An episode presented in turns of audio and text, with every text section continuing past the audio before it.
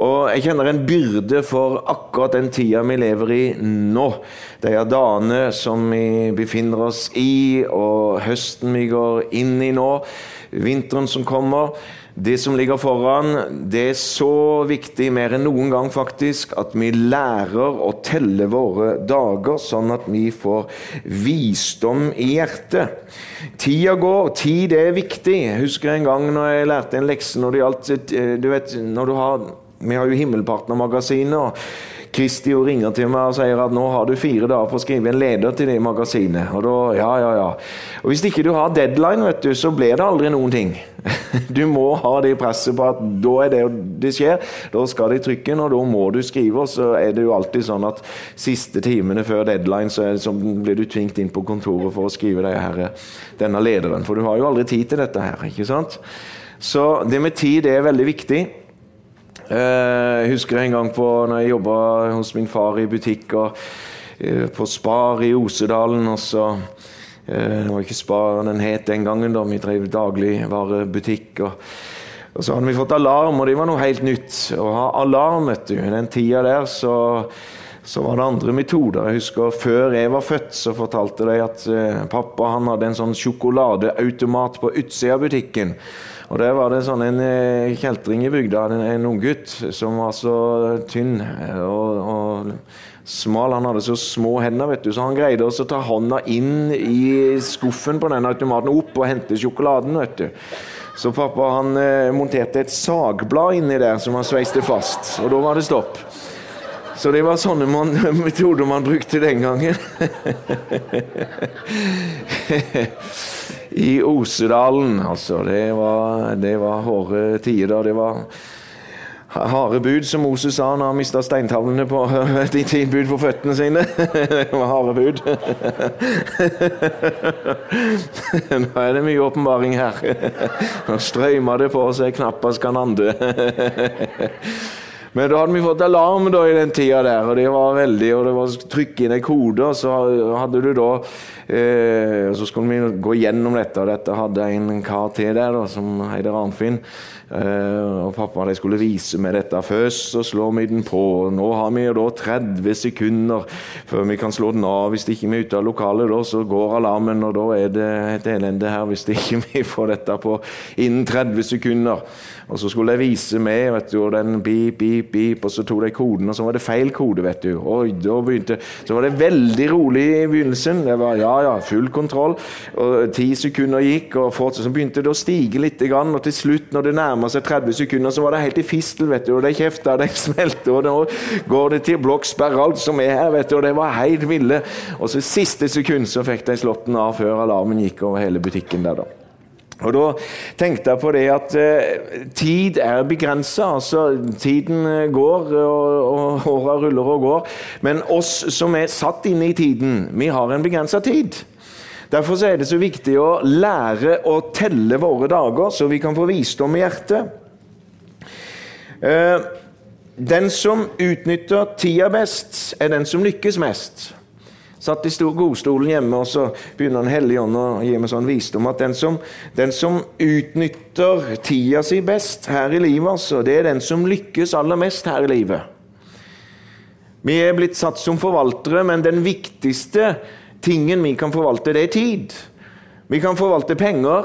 Det er jo veldig viktig å forvalte penger på rett måte i privatøkonomi, eller du har eh, businessfolk som forvalter store fond osv. Tenk på de som forvalter oljefondet for Norge. De har et veldig stort ansvar og gjør en veldig god jobb der. Tjener masse penger. Jeg tror det er på 12 000 milliarder eller noe sånt, så det er noe voldsomt. Og de har økt dette oljefondet, og de forvalter andres penger. Så det er jo veldig viktig. Men uansett hva vi forvalter, om det er eiendom eller det ene eller det andre, forvalte relasjoner er en annen ting. Men det viktigste, eller noe av det viktigste det er å forvalte tida vår. Mordekai han skjønte jo det. Omstendigheter begynte å skje, og han ante vel ingen, lite og ingenting av hva som skjedde når plutselig eh, Hadassah eller, eller, Ester blir kalt inn til hoffet, og så blir hun dronning etter hvert. Mon tro eh, Åssen Ja, her er det ting som skjer, liksom. Plutselig så blir hun dronning. Og så kommer onde Haman på banen, og han blir jo så forarga på Mordekai fordi han ikke vil bøye kne. Og i dag så er det òg et folk i Norge som ikke bøyer kne annet for Jesus. Og det er jo irriterende for visse folk der ute. Og det litt gøy å tirre litt, ikke sant? For vi, vi bøyer ikke kne for noen andre enn Jesus. Takk og lov. Vi lever i en tid som denne, og Mordekai han sa det til Ester når at alt eh, gikk rett vest. altså. Nå skulle alle jødene utryddes, og det var fare på ferde. Så sier han til Ester at mon tro om ikke du er satt inn i dronningverdigheten for en tid som denne. Og igjen så går vi tilbake til åpningsbibelverset i Salme 90 vers 12 at lær oss å telle våre dager så vi kan få visdom i hjertet. Isakars barn, som, Isakar som var en, en sønn av Jakob, de hadde forstand til å forstå seg på tidene. Og akkurat her og nå så kan vi ha muligheten til å forstå oss på den tiden vi lever i. Vi skjønner ikke bedre, men Den hellige ånd gjør det. Han vet alle ting, kjenner alle ting, og når vi lever sammen med Den hellige ånd, så kan vi lære å telle dagene for å begynne å bli forvaltere av tiden vår. Du vil aldri få noen eller Du vil aldri få noe av noen eller noe du forakter. Hvis det er noen personer du forakter eller ikke har noe tillit til, eller du er nedlatende til, til visse personer, så kan du aldri motta fra den personen. Veldig vanskelig å motta. Sånn er det med predikanter. Hvis ikke du liker predikanten, så får du ikke noe ut av prekena til den predikanten. Samme bra han eh, preker, så hvis du har liksom et eller annet som ikke du liker med den predikanten, at han har ikke rette sveisen eller noe sånt, så, så går liksom rullegardina ned, og da kan det være at ikke du mottar noe for den predikanten. Jesus han opplevde det på sitt eget hjemsted. At han eh, kom, og folk hadde hørt at eh, han holdt på med tegn, under og mirakler, og så kommer han hjem på, sin egen heimbygd. Og så begynner de å snakke at er ikke dette tømmermannens sønn Josef? Er ikke alle søsknene hans sammen med oss her sånn? Hvem er vel han? Og så var det ganske så familiær med familien Josef og Josefs sønn. Og da står det at han kunne ikke, altså Guds egen sønn kunne ikke Det var ikke det at han ikke ville, men han kunne ikke gjøre eh, helbrede så mange der. Han helbreda bare noen få stykker der. Han kunne ikke gjøre så mye på det stedet fordi at folk hadde en holdning til han. Og det du ikke respekterer, kan du aldri få noe gevinst ut av. Men det du respekterer, det vil du alltid hente mye gevinst ut av. Den eller det som du respekterer, det vil alltid gi deg noe tilbake. Sånn er det at Hvis du har respekt for en predikant, så har du en mye, mye mye høyere sjanse for å ta imot fra Gud. Du har mye, mye, mye høyere sjanse for å bli helbreda, faktisk. Hvis du har veldig respekt og tillit til en viss predikant. Husker nå i begynnelsen når jeg og Geir Wilhelmsen vi dro til Pakistan for å ha kampanjer. Eh, og vi var bare noe, ja, ja, ikke så veldig unge, men vi var ferske i gamet som evangelister. Uh, og så blir vi annonsert, vet du, og kulturen er annerledes. fordi at der nede så er det veldig pomp og prakt, og det gjør veldig stas på oss. Når vi kommer inn på, på uh, Korstogsplassen, så har de fyrverkeri, vet du, og sånn konfetti, og de hiver roser på oss, og det er voldsomt, vet du. Og En gang i India så hadde de så mange sånne kranser, hvis du ser de som er på Hawaii. De legger sånn krans over. Og Vi fikk ikke bare én, vet du. Vi fikk én og to. Og så la de så De vokste over hodet. Så det, det ble skjult. Der var jeg forsvant det, og Geir sto og lo så tårene rant på han. Så jeg kunne ikke se, jeg måtte ta av stadig, for det kom og la på krans etter krans. Og så sier de at 'Here comes the great man of God'. Og Geir han, eh, han kommer fra lista, vet du, og det ble for mye for han. Nei, nei, nei, det var det, det, var, det var, var, ikke sånn. Og han begynte å forklare at det er bare en ungdomspastor, jeg, sa han, vet du, det hjemme. Og, og, eh, hver fredag så kikker jeg opp i frysa og ser om det er nok pølser og pølsebrød til ungdomskvelden på lørdag. Det er, det er ikke en sånn veldig great man of God. Det er litt for mye Møllers tran, liksom. Og Han prøvde å unnskylde seg på det der, men da forklarte det pastoren i teamet der at eh, nei, nei, nei, sa de, ikke si det. La, la folk tro at dere at dere er store gudsmenn. Og, og, ikke bare la dem tro det, men faktisk så, så er vi store gudsmenn og -kvinner. Amen. Uh, og det er klart at Hvis vi skulle stå der og unnskylde oss at vi er ingenting, og sånn, så hadde folk begynt å tro på det. Og da hadde forventningen dalt rett til null, altså, og ingen hadde blitt helbreda. Men fordi at de ærer oss som store gudsmenn, de så opp til oss at nå kommer de helt fra den andre sida av jordkloden, nå kommer de til oss, og de ofrer så mye for å komme hit. Og forventningen var til å ta og føle på The great man of God is here! Og miraklene, vet du, de kom som perler på ei snor. Mennesker ble helbreda, mennesker ble frelst. Så vi fikk roa Geir og bare ti stille om den ungdomsfasterstillingen din og pølsene på ungdomskvelden og sånn. We are the great man of God. Halleluja. Så det var vi. Det var skikkelig nedtur å komme hjem. Jeg måtte på jobb på butikken, og han måtte liksom inn på kontoret i Misjonskirka. Sånn. Det var og Det er ikke tull engang. vet du. Det var litt sånn nedtur. Du hadde levd liksom på De åpner bildøra for deg, og det er liksom voldsomt, og så kommer du tilbake på jobb i Norge. Det kan være litt nedtur, men Så jeg prøvde å lære opp Eva til å åpne døra, men det funka aldri. Men, eh, så, så, det er litt sånn kulturforskjell. Men det du respekterer, det får, gir deg alltid noe tilbake. Hvis du har respekt for penger, så blir du antageligvis, om ikke rik, så ganske så velholden. Du får i hvert fall orden på din økonomi hvis du har respekt for hver krone. Har du respekt for penger, ja vel, så vil du få en ganske rik økonomi. Hvis ikke du har respekt for penger, så sløser du det hit og vær og tenker at mer penger kommer i morgen. og Trygda kommer hver 20., og sånn, så det, det, dette går greit, liksom. Hvis ikke du har respekt for penger, ja vel, så blir man fattig. Hvis ikke man har respekt for tid, så får man et ganske så kanskje kaotisk liv. Eh, et miserabelt liv. Et liv som alltid er bakpå, alltid på hælene. Men respekt for tid, det gir alltid et innholdsrikt liv. Å ha respekt for tid. Jeg har vært på kontinenter, og bl.a. Afrika og sånt. Og så ser jeg det at i hele samfunnslag så mangler det respekt for tid. Mangler respekt for min tid, for alles andres tid. Og man går etter sola. Jeg satt ofte i to, tre, fire timer og venta på å preke på et pastorseminar.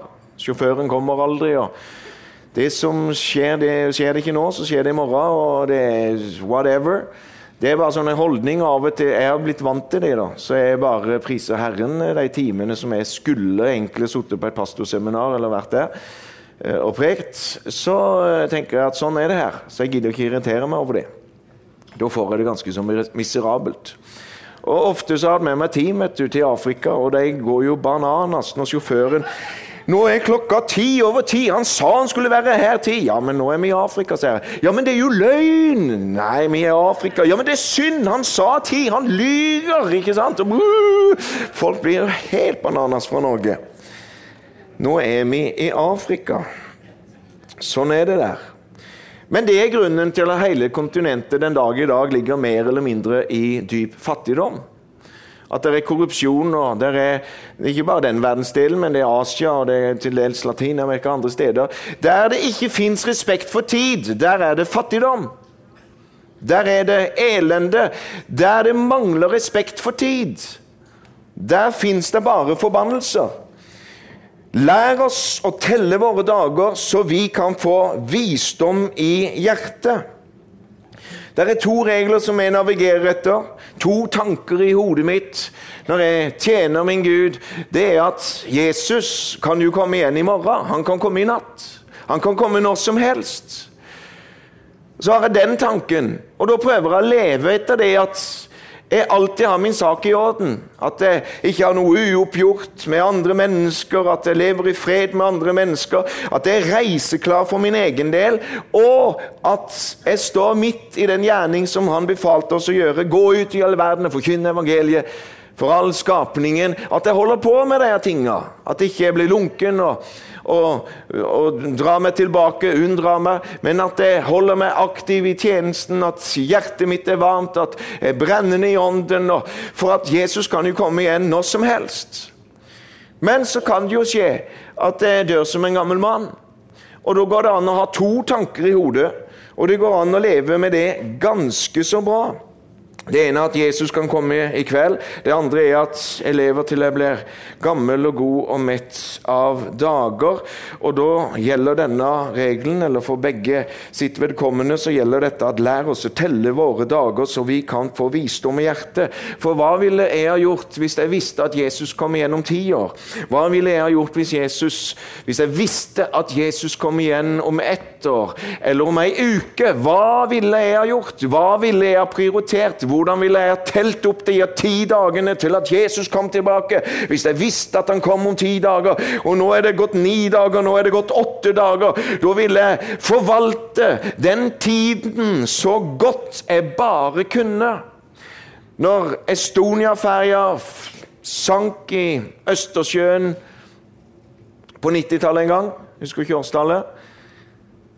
Så var det et team der, kristent team det skulle over. Noen ble, jeg tror de har en sterk historie på det. Hun skulle vært med på den ferja. Den må du fortelle en, en gang. eh, og gjorde ikke det. Men det var noen andre som etter sigende hadde blitt advart, var urolig. Men det gjorde det allikevel, og det var noen kristne ungdommer som reiste der. Ferja går ned, og alle begynner å skjønne at dette kommer ikke til å gå bra. Og Da er det noen unge gutter som istedenfor å løpe opp på dekk, så løper de ned. Ned i de nedre sjikta i båten, og så banker de på alle lugarene så hardt de bare kan. Og så roper de at dere må ta imot Jesus! De lærte å telle sine minutter. Hva gjør du hvis du har begrensa tid? Da er det veldig viktig å forvalte den tiden nøyaktig, sånn at vi får mest mulig uttelling av det før det er for seint. Bartimeus han var en som hadde ganske god peiling på det å forvalte tid. I Markus kapittel 10 vers 46 De kom så til Jeriko, Jesus og hele teamet hans, svært team.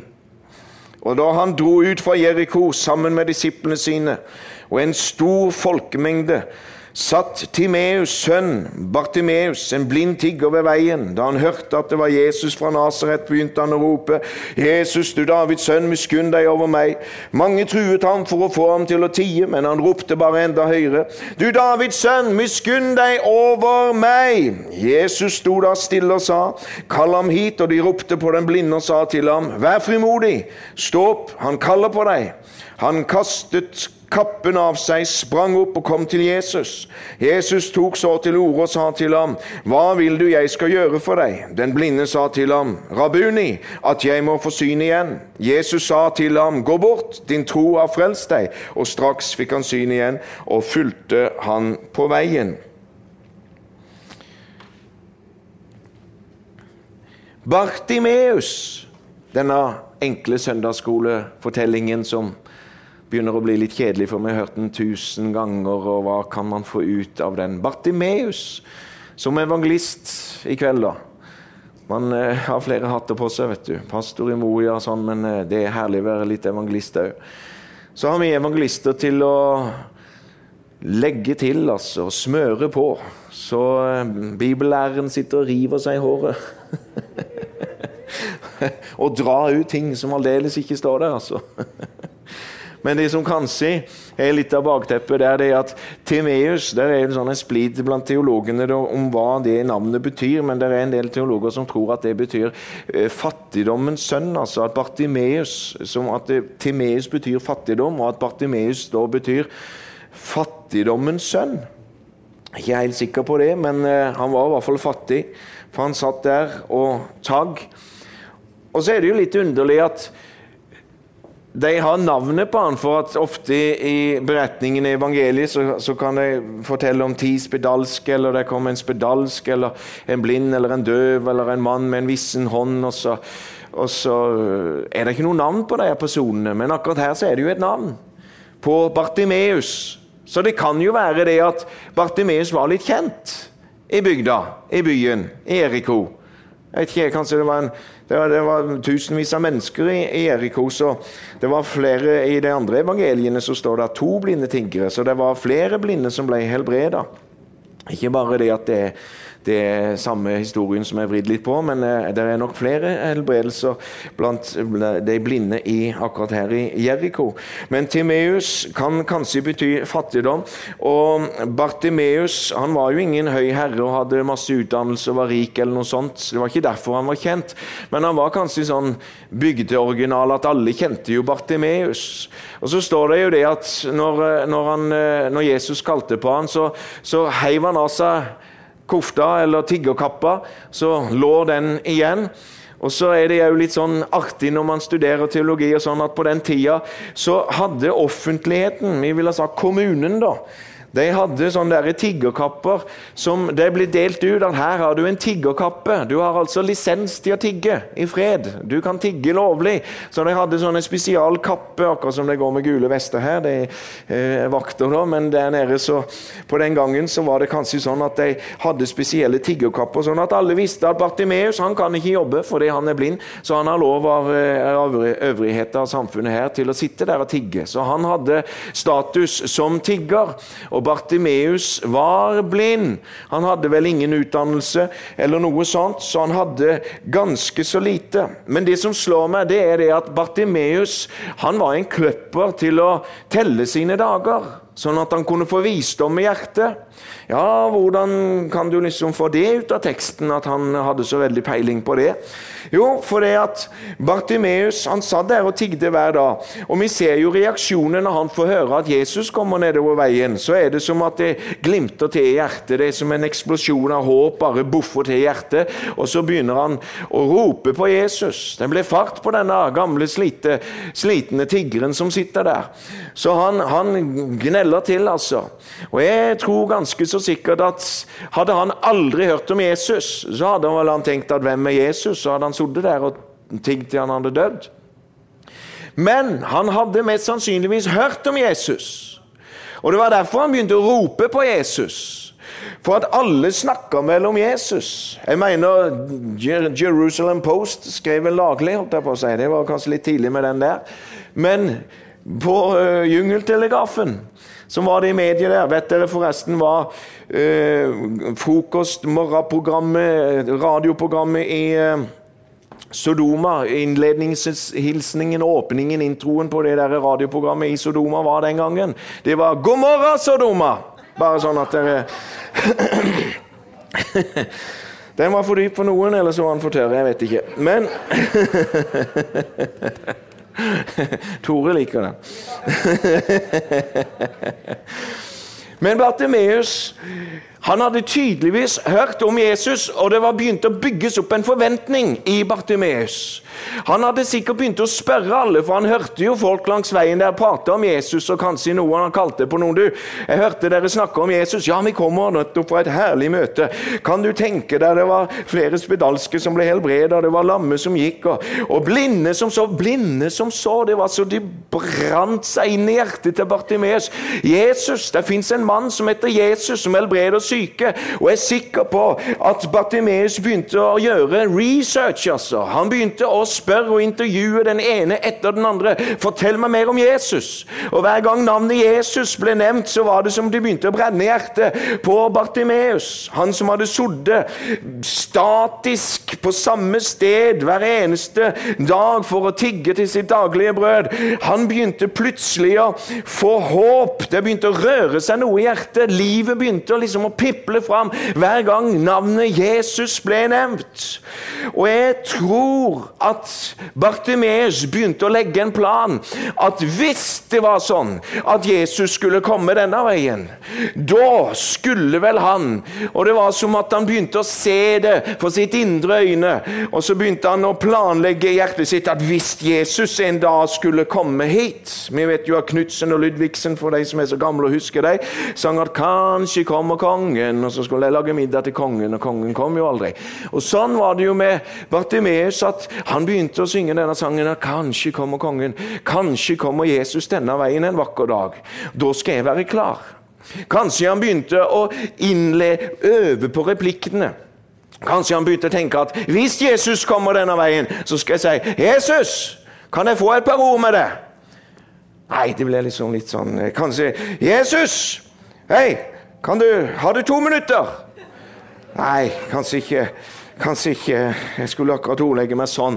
Så begynte Bartimeus å planlegge hvordan ville det være hvis Jesus kom forbi. Forventningen begynte å stige. Håpet, brannen, håpet var satt i, i lys lue i hjertet hans sitt. Og Så begynte han å spørre og grave. Han kjente nok Skriften, han kjente Toraen, han kjente profeten. Han hadde, om ikke han hadde lest det sjøl fordi han var blind, så hadde han hørt andre lese salmen. Han hadde vært i synagogen hver eneste søn, lørdag han hadde hørt Skriften opplest, og han visste om Messias. Og så begynte det i hjertet. Og så tenkte jeg kanskje han er Messias. Det skal komme en Messias. Vi venter på Messias. Israel venter på Messias. Romerne som okkuperer oss, vi venter på Messias. Kanskje han er Messias. Og så begynte tanken å spinne at han er nok Messias. Han må være Messias. Ingen hadde vel våget å si det sånn rett ut, men det lå i lufta at kanskje Jesus var Messias. Og En dag så hører Bartimeus at det er lyd bortetter veien. Og Han begynner vel å spørre en av de som er i nærheten av han der, at hva er det som skjer nede i gata der? Jo, nå skal du høre at Jesus, Jesus, ja, han Jesus, han som helbreder syke, han er på vei hitover. Og det var som de sokk gjennom hele hans vesen, dypt inn i hans sitt hjerte. Så glimta det til dette håpet som hadde vært der i så mange dager, helt siden han hadde hørt om Jesus. Og nå hadde han øvd inn den rette replikken for at Bartimeus var nå overbevist om at Jesus måtte være Messias. Han måtte være Davids sønn. Og alle andre replikker hadde han satt en strek over. Og når han hørte at Jesus var på vei, så begynte han å rope i god tid før Jesus allerede var kommet til det punktet der han satt. Jesus, du Davids sønn, miskunn deg over meg! Om det var noen flotte, høye fariseere som gikk der i sine hvite kapper og dusker og hode, alt dette som de hadde kledd seg snudde de seg nok litt irritert. Våger du å kalle noen her for Messias? For Davids sønn, Davids sønn, han anerkjente jødenes Messias offentlig. Uten å blyges, uten å være redd for hva andre skulle si. For det var meget upolitisk korrekt. I hvert fall for en god del av befolkningen. Noen var overbevist, mens fariseerne og den gjengen der de hata vel at noen kunne tenke de tanker at Jesus At han skulle være jødenes Messias. Og så anerkjenner han Jesus som Davids sønn. Det du respekterer, vil du alltid få noe ut av. Det du gir din respekt, det er det samme som å gi ditt fokus. Og det du gir ditt fokus, vil du alltid høste av. Gir du fokus til 24 timer, 20 dager i uka til såpeoperaer, så vil du høste ut av det. Fordervelsen som fins i de programmene. Du vil høste ut av det. Uansett hva du gir din respekt og ditt fokus til, så vil du høste. Og jeg er overbevist om at Bartimeus han hadde grunna dag og natt på skriftene Jesus, Messias, som skulle komme. Han hadde nok hørt hva profeten hadde sagt. Kunne dette være Messias? Han var overbevist, og han anerkjente han. Og hva skjer når du anerkjenner noe? Jesus kommer gående der. Der er tusener som følger han, der er folkemengder, Der er kaos, der er bråk, der er ståk. Noen roper, alle roper rundt forbi. Noen roper fordi at de har vært på møte med Jesus, og han har jo metta 5000 en gang og 4000 en annen gang. Kanskje de kan få gratis mat i dag, så de er der for showet sitt skyld. Wow, her er det sirkus, altså. Og noen de har ingen forhold til Jesus på noen måte. liksom. Ingen, noen tror ikke på han, men de syns det er kult med miraklene. Er det sant som folk sier, så det er det er masse forskjellige grunner. Og alle roper, og disiplene de lager sånne rekker sikkert at 'Slipp Jesus forbi, slipp Jesus forbi'. Sånn, sånn, gjør det i Pakistan når, det skjer ting. vet du, så, så, Lange rekker med vakter som trykker folk unna. sånn. En gang jeg sto på plattforma I 2014 så hadde en, en, eh, vi hadde fire kampanjer i Pakistan som jeg hadde sammen med Markus Blom fra Sverige. Og eh, Nesten 70 000 mennesker ble frelst. 69 600 mennesker som er registrerte med decision cards det året der. En død liten baby som kom til live etter 6-7 timer. Og Vi opplevde så mye der. Og midt under, Vi preka annenhver kveld. da, vet du. Og Den kvelden som jeg prekte, da sto Markus og han tok imot køene med folk som ble helbreda. Så han, han, sa 'Hva ble du frisk fra?' Og så han sjekka deg litt, og sånn, og så kommer han ut at 'Inge, denne her personen kunne ikke gå, og nå ser du at han kan gå', og så videre. Og så 'Å, jeg må se at du går', og så løper jeg fram og tilbake, og folk jubler og sånn. Så jobba vi sånn, da. Den kvelden var det Markus som prekte, og jeg sto i bakkant, i bakhånd i eh, kant, der med trappa sånn som her på scenen, en sånn stor scene der. Og så står det køer med folk der, vet du. Og jeg skal liksom huske, da, ti stykker i slengen, at du var det, du var helbreda for det, du var helbreda for det, og, og, du hadde det sånn og sånn. Og så skal jeg liksom gi informasjonen, så jeg måtte konsentrere meg. Plutselig så kjenner jeg noe i leggen min, og der står det ei lita jente og drar meg i dressen sånn, da, vet du. Ei lita, skjønn jente. Hun var høy som så, vet ikke hvor gammel hun var, fem-seks år eller noe sånt. Og så ser jeg jo at det ene øyet det er det noe galt med rød, nydelig kjole på seg. Og jeg, jeg kan jo ikke språket sånn, så jeg, Hva vil hun jenta der? Og så kom det en pastor og jakte henne bort. Og så, og så jeg fortsatte videre med det jeg skulle gjøre. Det var sånn kaos. Herlig kaos. Vi elsker det. Og plutselig så kjente jeg noe i beinet igjen, og der var den jenta igjen. Da hadde hun smøget seg opp trappa. Det var ikke lov i det hele tatt. Sto vakter nede og passa på at ingen kom opp på plattforma. Og liksom, der var hun igjen, liksom. Og en pastor kom vekk. Og så, og så Tredje gangen så kommer hun. 'Hva er det denne jenta vil?' seg. Hun, hun, er blind', sa han. Hun snakka litt med han på det ene høye. Hun vil at du skal be for henne. 'Jeg har ikke tid til å be de pastorene der legge hendene på henne', Og så kommer hun igjen. Jeg husker ikke om det var to eller tre eller fire ganger. Hun kom igjen sånn. Og så ble jeg litt sånn irritert, for jeg var så stressa. Jeg skulle huske liksom alle de her eh, helbredelsene og sånt. Og så, ja, så kom her, da, sa jeg. var nesten irritert. vet du, og Ikke i ånden, var mer i kjøttet. sånn, vet du, Stressa. Og så I Jesu navn! Og så ba jeg bare, jeg befalte det her eh, øynene å åpne seg. Et eller annet, Jeg husker ikke konkret hva jeg sa.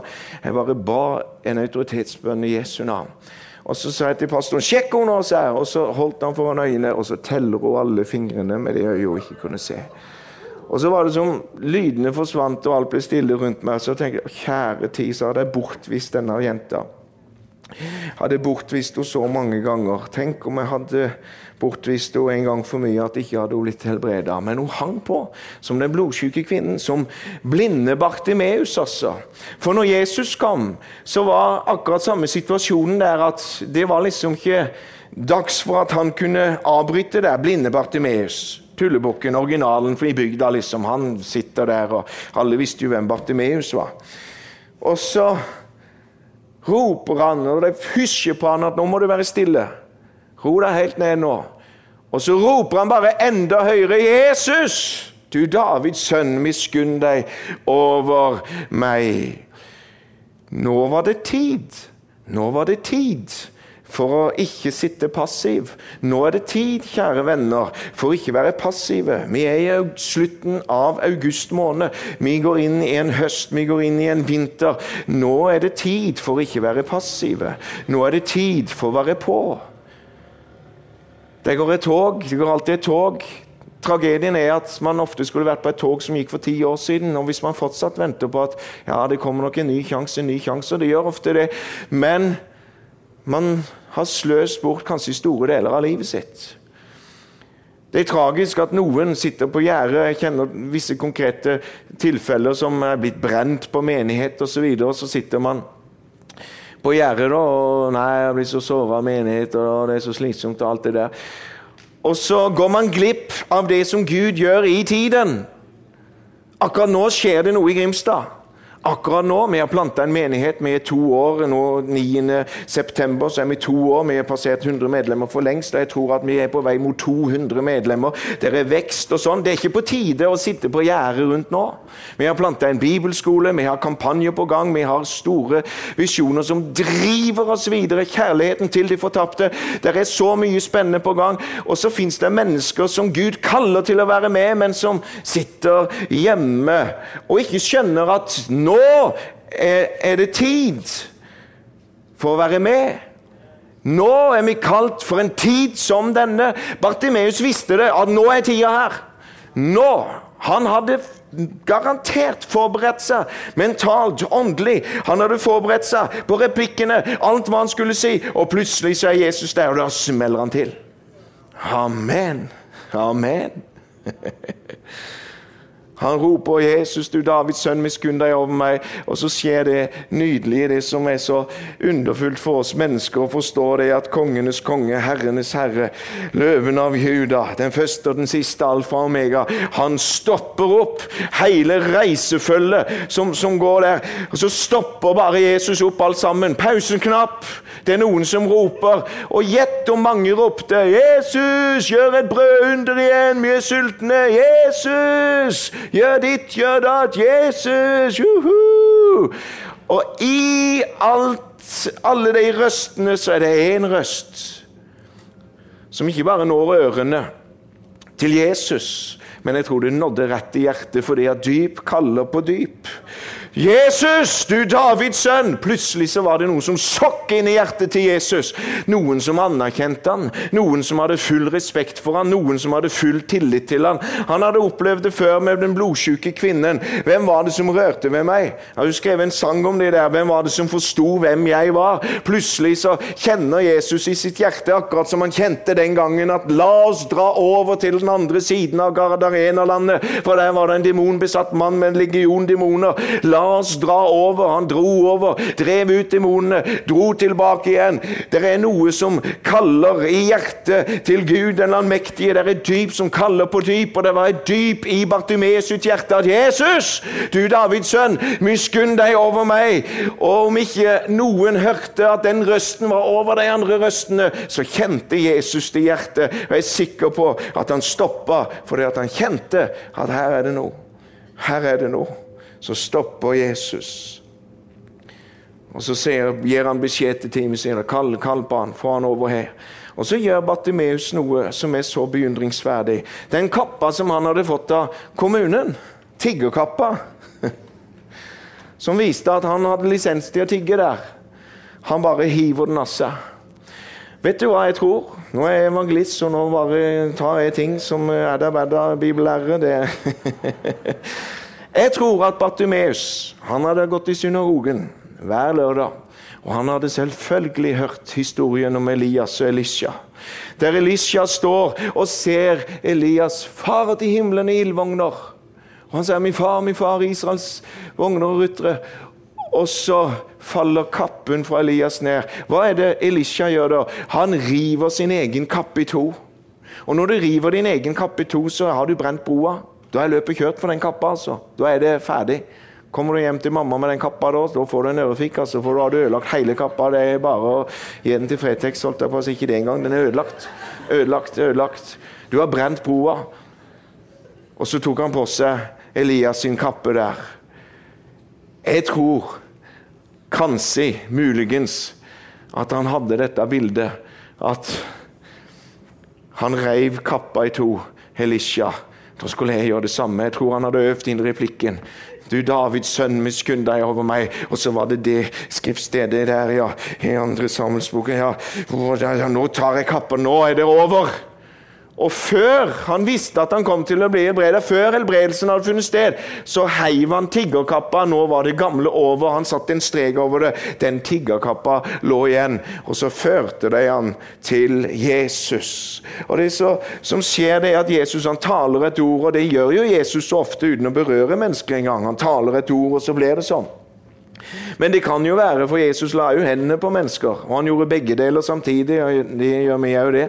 Så kan det jo være det at Jesus han var på vei til å legge hendene på han, men før han fikk lagt hånda på han, bare det han talte at ta imot ditt mirakel, eller når han talte at Jesus tok til orde og sa til ham, 'Hva vil du jeg skal gjøre for deg?' Den blinde sa til ham, 'Rabuni, at jeg må få syne igjen.' Jesus sa til ham, 'Gå bort, din tro har frelst deg.' Og akkurat det han skulle si, 'Gå bort, din tro har frelst deg', akkurat skulle røre han, så fikk han synet før han fikk rørt han. Kanskje var det sånn. Jeg opplevde det en gang det kom fram en mann. Han ville bli åndsdøpt. Ja, men du kan bli åndsdøpt. Jeg har så tro på åndsdøpt, vet du. Så jeg sa når jeg legger hendene på deg, så blir du åndsdøpt. Ja, han var så klar. Han var så skikkelig klar, vet du. Han skulle bli åndsdøpt. Ja, men da er det bra, da. Da legger jeg hendene på deg, så blir du åndsdøpt. Da taler du i tunga. Ja, og så tok jeg hånda sånn, liksom. Og når hånda var der, så begynte han å tale i tunga. Jeg bare ble snytt for hele håndspåleggelsen, liksom. Takk for den, ikke sant? Det skulle liksom skje når det er hånda på deg. Han begynte å tale i tunga før. Og Sånn var det kanskje med Bartimeus, og sånn er det med mennesker som har lent inn og ikke lent ut. Mennesker som har denne forventningen, og som teller sine dager. Teller sine dager. Gud, hva har du på gang på Sørlandet? Hva har du på gang i Norge? Jeg skal være med. Jeg skal kjenne tiden som Isakars barn. Jeg skal ikke gå glipp av noe som helst. Og Jeg har sagt til Gud mange ganger at når du kjører vekkelse i Norge, så skal aldri livet jeg stå på sidelinja se inn i den den vekkelsen. Jeg skal stå midt oppi den. Ja, du er ganske frekk, du. Kan du si at ja, det får bare være, men jeg skal være midt i elva. Jeg skal være i strømmen. Jeg skal være en del av den. Jeg vil ikke stå på sidelinja se inn. Jeg vil kjenne tiden, og når det kommer, så skal jeg være klar.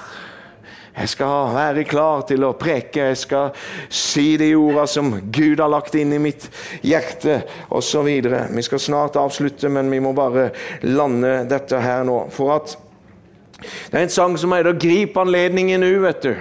Hørte jo om han oppe i Nord-Norge som eh, en, en uh, synder som kom inn på møtet ble vetterskremt når de begynte å synge den sangen, for han trodde at de sang 'Grip han hedningen nu'. Så han måtte prøve å komme seg ut. vet du. Men det er noe med det med Grip anledningen nu. Det er en, en gammel, gammel sang. Jeg tror at Bartimeus han telte sine dager. Han brukte tida si. Han hadde ingen muligheter til å gjøre noe som helst annet enn tigge. Allikevel så brukte han tida til å forberede at Jesus skulle komme. Hvis Jesus skulle komme denne veien, så skulle han være klar. Så han begynte å forberede seg. Han la inn replikkene. 'Jesus, du Davids sønn.' 'Jesus, du Davids sønn.' Nei, 'Jesus, du Davids sønn.' Han, han planla. Sånn skulle det være. Akkurat som den blodsjuke kvinnen som sa det at om bare jeg får røre ved kanten hans skappe. Hun begynte å planlegge dette her. Når du sitter hjemme i din profetiske godstol, så må du lukke øynene dine, og så må du se for deg hvordan du opererer i vekkelse. Hvordan du ber til frelse for mennesker. Begynner å visualisere. Og Den hellige ånd elsker at du tenker og fantaserer og sånne ting, så han kobler rett på, og så tar han det inn i sin verden. For da er dere så enige, og så kobler du inn i det som han har for deg. Og så visualiserer du, og så ser du syner. For det er jo sånn i Apostelens gjerninger kapittel 2 at vi skal profetere, vi skal ha syner, vi skal ha åpenbaringer. Halleluja. Bruk tiden. Tell dagene. Jesus, han kommer. Ja, han kommer tilbake for å hente sin brud. Men Jesus, han kommer til Norge med vekkelse. Halleluja. Han kommer. Han er kommet. Yes, han er her. Takk og lov. Vi Reddal, han er her akkurat nå. Akkurat nå. Akkurat nå. Og Kanskje du allerede sitter og planlegger i benken din at når alterkallet kommer, så bare går jeg fram selvsikkert. Jeg bare retter meg opp for stolen, så går jeg fram og så tar jeg imot Jesus. Eller så tar jeg imot det miraklet som jeg bedt til Gud om så lenge.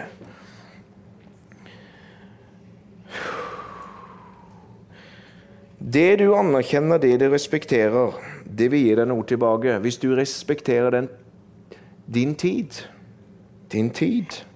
Din tid. Nå er det tid å omprioritere.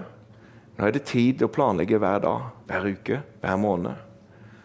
Nå er det tid for å balansere livet sånn at vi holder ut lenge.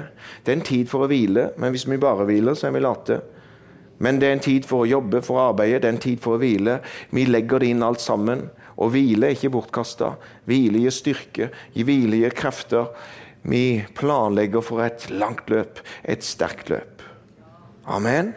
Amen. Hvis ikke vi har respekt for tida vår, at vi våkner opp mandag morgen og tenker at denne uka det får skje det som skjer, så får vi se hva som skjer. og så...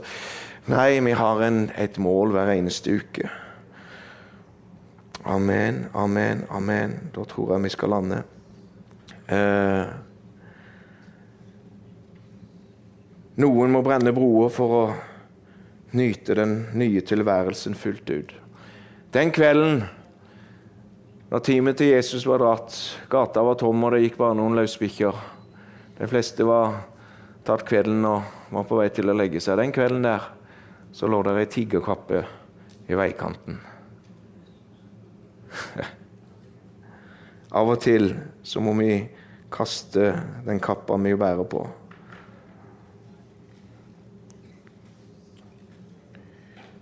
Matteus 24, 38. For like som de dagene før vannflommen åt og drakk, tok de lekte og ga til lekte, helt til den dagen da Noah gikk inn i arken.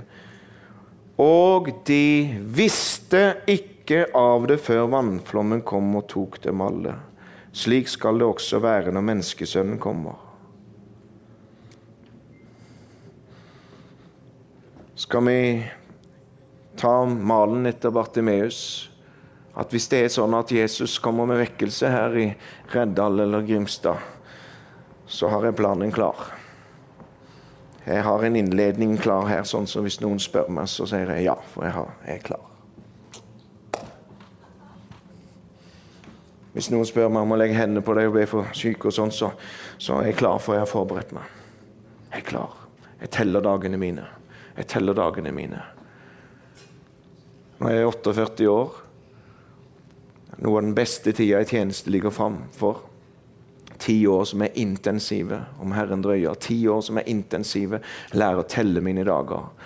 Om Herren drøyer jeg blir en gammel mann, så skal jeg lære meg det at jeg skal ikke bli en gammel propp som hindrer ungdommen fra å slippe til, men jeg skal gjøre alt jeg kan for å tilrettelegge for at neste generasjon kan overta. Så nå bare forbereder jeg plattformer for neste generasjon, for jeg lærer å telle dagene.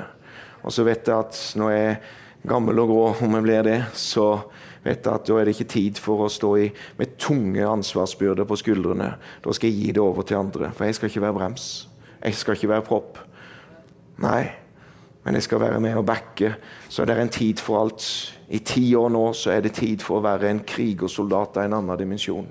Men tida kommer jeg skal trekke meg tilbake med god samvittighet, og jeg skal heie fram de andre. Og Jeg skal være med i bønn, og jeg skal være med som inspirator. Skal, men nå er det tid for å krige mer enn noen gang. Har, Gud har vist meg hele greia. Om Herren drøyer, så, så har Han vist meg hvordan de skal være. Jeg har telt mine dager, jeg har planlagt at det må gå i rute. Jeg må ikke se organer, det må gå i rute. Og Sånn er det med deg òg, min venn, at nå er det på tide å telle dagene dine. Sånn at du får maks ut av dette livet. For når vi går inn i evigheten, så er tiden over. Det er bare nå vi har tid. Timer, dager, uker. Far i himmelen, jeg priser ditt navn. Jeg takker deg for at du kaller mennesker nå. Takk for den ilden som du legger ned i noen nå, Herre. Det brenner i noens Jeg kjenner varmen fra, fra en brann, fra brannen i noens hjerte her. Spesielt på denne sida her. Det er noen bakover der som Det er en veldig ild som, som blusser opp, som brenner. Om at Gud i himmelen Gud i himmelen, det som Jesus har grepet hjertet ditt. Det er akkurat som Jesus grep Bartimeus sitt hjerte når han kom forbi. Ja, Jesus han var jo bare der, han er jo alltid der, men det er noe som skjer med den som tar imot, den som respekterer, den som gir fokus. Og akkurat her og nå så er det noen som er grepet av Den hellige ånd, og man bare kjenner i sitt hjerte at Jesus nå kaster jeg kappa, mi egen kappe, den får falle til bakken. Mi egen kappe får falle. Min egen kappe får falle når det går inn i din kappe. Nå går jeg inn i din kappe. I Jesu Kristi navn. Og jeg bare ser kapper. Jeg ser mange kapper. Jeg ser mange kapper. Jeg bare ser Gud som han deler ut. Han har masse engler som bare kommer med kapper. Det er en garderobe med kapper. Han, det er som han triller fram garderobestativ med kapper. Og så er det om du er villig til å ta av din egen kappe og la den ligge. Ja, men den var så fin, og den har jeg lagd sjøl, eller den er mor min. Og det er forventninger som er lagt på på fra andre mennesker at du skal bli det, og du skal bli sånn, og du skal gjøre det, og du er flink til det, og alt mulig sånn. Og så er det kapper som er kledd lag på lag, og så begynner det å bli tungt å bære. Og du er jo, det er jo ikke den kappa du skal bære, for at Gud, han har den perfekte kappen. Og så er det en kallelse akkurat nå. Og forstår det den som kan, og den som Gud taler til nå, forstår det så inderlig godt at du må la din kappe falle til bakken i kveld, i Jesu Kristi navn. Om du er frelst eller ufrelst, kappen må falle i kveld. Og her framme er det en garderobe med nye kapper. Hver kappe er designa til kun du jeg ser mange, jeg får bare beskrive det som jeg ser det, at det er akkurat som det er engler her som har rulla ut stativer med masse forskjellige kapper, ingen er like. Og ingen kan bare velge en kappe, den tar jeg, den tar jeg. Men Gud har designa en kappe som passer deg nøyaktig. Og når du ikler deg den kappen der, så ikler deg du ikke bare en symbolikk, eller noe sånt, men du ikler deg Guds salvelse, Guds kraft. For å tjene, for å elske Han, for å løpe det løpet som ligger foran om du ville ta den kappen. Om du ville ta den kappen. Så kan du tenke at ja, det var jo kult, jeg kan jo prøve det og sånn. Men det er noen øremerka mennesker som kjenner ilden i hjertet. Du som har ilden i hjertet, kan ikke du komme fram her og nå og stille deg på en rad der sånn? Du som kjenner det at Gud i himmelen, nå legger jeg kappa igjen på stolen, og så kommer jeg fram og tar på deg kappet. Du som ikke har Jesus i hjertet, du som lever i synd, du som har levd på avstand, du må komme fram. Du som, som har kjørt, gått, løpt med småstein i skoene. Det er jo så vondt å løpe med stein i skoen. Er det ikke på tide å hive de skoene der, og så la Gud gi deg den, de skoene som fredens evangelium gir? I Jesu Kristi navn, i Jesu Kristi navn, i Jesu Kristi navn. Far, jeg bare priser deg, Herre Jesus. Ja, ja, ja, vi bare takker og lover deg. Vi skal ta litt tid nå. Litt tid nå før vi lovsynger til å betjene. Det går litt sånn flere runder og bolker her sånn. Bare